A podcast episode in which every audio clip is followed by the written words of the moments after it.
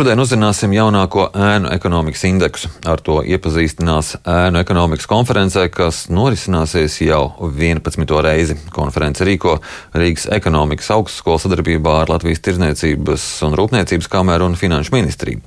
Kādas tendences uzrāda jaunākais ēnu ekonomikas indeksa pētījums? Par to šajā brīdī runāsim ar Rīgas ekonomikas augstskolas profesoru un ilgspējīga biznesa centra direktoru Ārni Sauku. Labrīt! Labrīt! Kas notiek ar ēnu un ekonomiku? Ko uzrāda jaunākais pētījums pandēmijas laikā, dīkstāvas laikā? ēnu ekonomika ir palielinājusies vai varbūt tieši otrādi samazinājusies? Jā, nu, kā, kā katru gadu mēs precīzi skaidrs nosaucam tieši ēnu ekonomikas konferencē, tā, nu, lai saglabājas mazliet intriga līdz, līdz pusdienas laikam, bet tā tendence, diemžēl, nav pozitīva. Ēnu ekonomika Latvijā aug. Uh, un aug arī uh, Baltijas valstīs uh, kopumā. Es atgādināšu, ka pēc mūsu aprēķiniem 2019. gadā, un jaunākie dati par 2020. gadu, jā, tad mēs vēl par 2021 nezinām, bet uh, tas būs nākošais gads. Uh, tie 2019. gadā Latvijā ekonomika bija gandrīz 24% no iekšzemes koprodukta, un Lietuvā 18,2% un Igaunijā 16,3%. Tātad, nu, joprojām Latvijā ēna ekonomika ir lielāka nekā citās Baltijas valstīs, un visās Baltijas valstīs ēna ekonomika uh, palielināsies. Uh, bet uh, kur tad ir tās problēmas mums, kāpēc nemazinās? Nu, problēmas, problēmas ir vairākas. Protams, lielākās problēmas saistās ar aploksņa algām, un, un arī aploksņa algas ir pieauga. Un, un, un aploksņa algas kopumā Latvijā ir galvenais, varētu teikt, dzinējums ēnu ekonomikai ja, ja ēnu ekonomika viss kopumā teiksim, būtu 100%, jā, tad, tad uh, puse no tā ir aploksņa algas, kas, kas veido kopējo ēnu ekonomiku. Un, Tur gan es varu skaidrs nosaukt, uh, 2020. gada aploksņa algas Latvijā pieauga no 22,3% līdz 23,5%, tātad vairāk par, vairāk par 1% punktu. Uh, tas nozīmē, ka uh, kad, kad reāli uh, saņem gandrīz ceturto daļu vidēji uh, cilvēku vairāk nekā, nekā statistiski mēs to redzam. Lietuvā un Igaunijā aploksņa augsts ir mazāks. Tur bija pieaugums Lietuvā piemēram no 14 līdz 15,3% un Igaunijā no 11,5 līdz 13,2%. Tātad būtībā arī tieši aploksņa augu lielums izskaidro, kāpēc ēna ekonomika Latvijā ir, ir nu, ievērojami lielāka nekā kaimiņu valstīs. Bet uh, kādi tad būtu tie secinājumi, kāpēc aploksņu algas uh, nemazinās? Varbūt aizvadītajā gadā tas skaidrojums būtu tā pandēmija. Nu, ziniet, galvenais secinājums, laikam, ja mēs skatāmies ēna ekonomikas dinamikā, ir tad kopš 2012. gada, lai, lai ko arī politikas veidotāji darījuši, nu, nav izdevies ēna ekonomika tā vismaz būtiski mazināt. Jā, tās, tā, tā, tā līkne neizskatās pārāk iepriecinoši. Mēs arī skatāmies šos gadus. Uh, atpakaļ. Un, ja mēs runājam tieši par 2020. gadu, protams, tur ir kaut kāda arī pandēmijas ietekme, kas gan ne vienādi ietekmē visas nozares, kā mēs, kā mēs ļoti labi zinām. Bet, bet man liekas, ka galvenā iemesla tam, kāpēc ēna ekonomika nemazinājās 2020. gadā, ir ne tikai pandēmijas, bet arī lielā mērā tam, kādas bija iepriekšējo gadu tendences. Respektīvi, mēs Ekonomika ir cikliska, un, un, un ciklos ekonomikas, kad, kad, eh, kad ekonomika pieaug, kad mums nu, kļūst labāk un uzņēmējiem kā, nu, vajadzētu gribēt un varēt vairāk maksāt nodokļus, mēs parasti sagaidām, ka ēna ekonomika mazinās. Ja mēs skatāmies uz tendencēm, ēna ekonomika nemazinājās. Arī tad, kad Latvijai nu, vismaz būtiski nemazinājās, tur bija nu, ļoti minimāls tās izmaiņas un pieaugums kā nu kuru gadu. Un, un, eh, un tagad, kad ir nu, lielāka nenoteiktība un, un, eh, un, un, un ir uzņēmumi, kuriem, protams, ļoti grūti arī klājās, principā varētu teikt, ka tas likumsakarīgi tikai, kad, kad ēna ekonomika pieaug, un viņa visticamāk arī varētu pieaugt arī nākošos gadus, vismaz nu, divus, trīs. Nu, tad ar ko tad tas ir saistīts, ka šī līkne nav iepriecinoša, no 12. gada neko nevar izdarīt?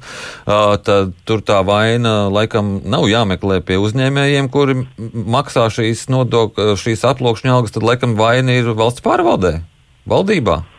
Nu, viena, viena pagalma nedeg, un, un, un dabiski vienmēr būs uzņēmēji vai cilvēki, kas darīs visu, lai izvairītos no nodokļiem, pat ja viņi būs uh, nulē, ja viņi mēģinās tik un tā kaut, kaut, ko, kaut ko dabūt. Ja, un, un, un šādi cilvēki, nu, cerams, Latvijā, cik mēs zinām, protams, nav, nav daudz, bet vienmēr tādi, tādi ir. Bet, bet, protams, ir, ir daudz arī visās, kā jūs arī sakat, šajos ārējos apstākļos ietekmē daudz, daudz problēmas. Nu, piemēram, uh, nu, piemēram, liela nenoteiktība, kas nāk ar Covid situāciju. Ja? Nu, daudz uzņēmēju, kuriem varbūt arī nemaz tik slikti neiet, viņi iespējams pietur naudu jo, jo nu, nezinu, kas būs uz priekšu. Tātad, nu, tā ir viena no lietām. Nenoteiktība ar nodokļu politiku. Ko tagad darīs pašnodarbinātie, vai vajadzēja nodokļu režīmus mainīt tā, kā tas bija iecerēts laikā, kad ekonomika auga. Un, un tagad, protams, ir, ir mazliet savādāk, stipri savādāk, un, un tomēr šis kurs tiek, tiek uzturēts.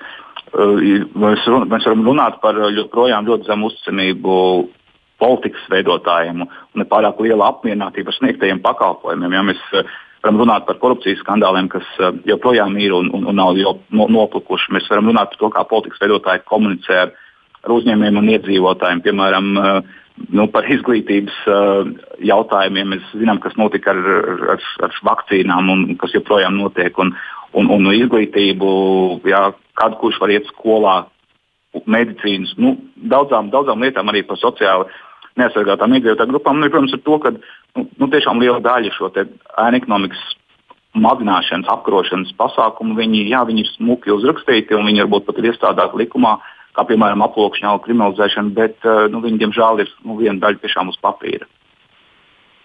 Tātad aploksņa algas, korupcija, vēl kādi faktori, kas negatīvi ietekmē ēnu ekonomikas lielumu Latvijā?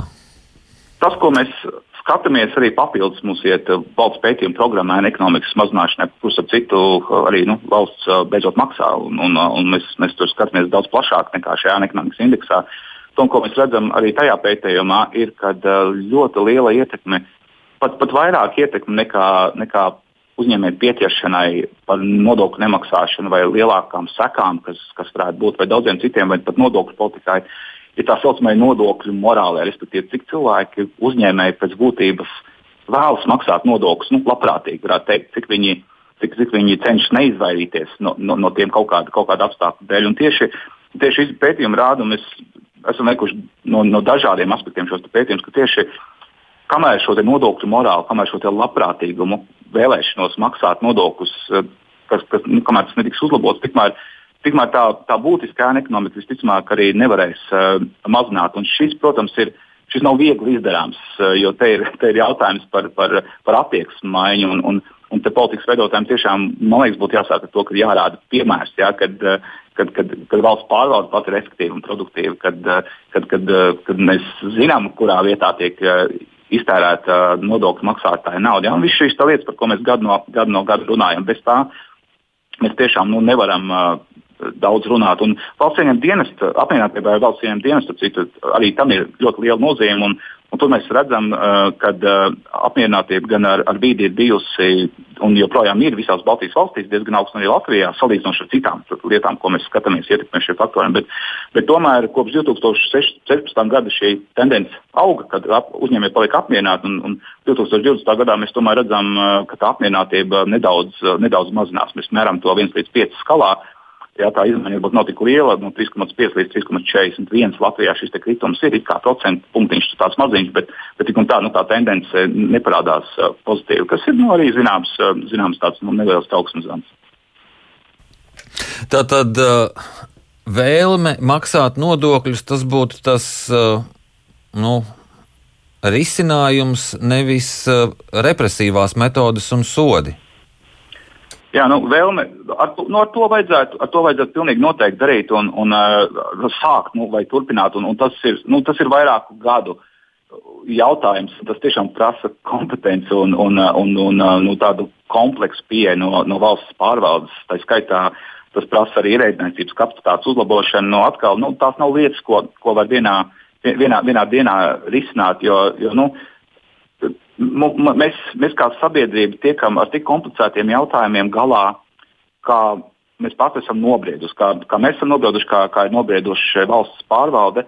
Un, un pat ja mēs gribam nu, to ēnu ekonomikas vai, vai uh, līmeni, kā Skandinavijas valstīs, vai dzīves, dzīves līmeni, mēs vienkārši patiesībā neesam gatavi. Mēs to ejam un, un, un konstatējam un labi ejam, bet, bet nu, ne, nepietiekoši ātri. Tur, protams, ir, ir ļoti, ļoti daudz vēl ir, ir, ir, ir, ir, nu, ir, ir, ir jāstrādā.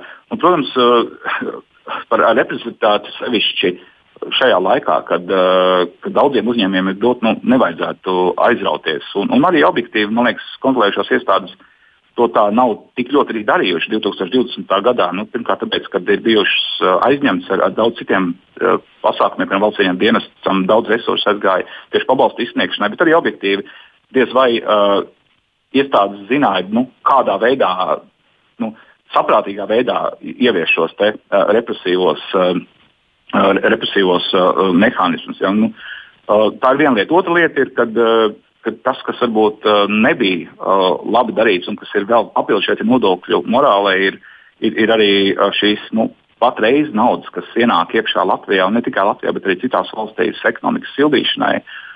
Efektīvākā iztērēšana, ja mēs principā šo naudu aizņemamies, lielu daļu mēs viņu aizņemamies un mēs sildām, vajadzīgi sildām nozeres, bet uh, nu, pieņēmām, pieņemsim, ja mēs skatāmies uz būvniecības nozari, kur uh, joprojām, arī tā dinamika ir laba, un ēna ekonomika nedaudz mazinās, arī, arī 2020. gadā viņa ir mazinājusies, tik un tā, tā ir apmēram trešā daļa ēnās nozares, un, eh, un, un mēs šajā nozarē liekam palielu naudu, kuru mums pēc tam būs jāatdod. Ja? Tad ir jautājums, eh, cik, cik viņi sadeg, cik viņi ir produktīvi. Un, un beigu beigās, eh, tad, kad šī krīze beigsies, nu, vai pandēmija beigsies, ja? un kad atkal tā ekonomika mēģinās atgriezties kaut kādā atpakaļ ciklā, tad, tad, tad ar ja, tie, ja nauda būs aizņemta neproduktīvi un ja mums būs liela parāda, kuri mums būs jādod, un tas ir acīm redzams ne tikai Latvijā, bet arī citur, kaut kādā veidā būs viņi jādod. Un, ja to nevarēs izdarīt uz ekonomikas pieauguma strauji rēķina, jo, jo, jo izdevumi jau nemazināsies, vajadzības tikai palielinās, jā, to mēs ļoti labi zinām uh,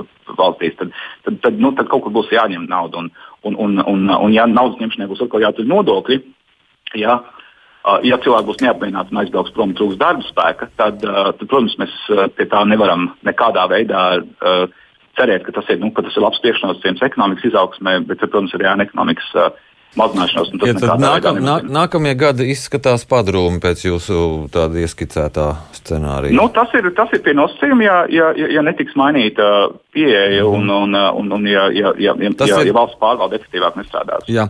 Man jāsaka jums paldies par uh, šo sarunu. Atgādīju, ka mēs sazinājāmies ar Rīgas ekonomikas augstskolas profesoru un ilgspējīga biznesa centra direktoru Ārni Sauku un runājām par to, kas notiek ar ēnu ekonomiku.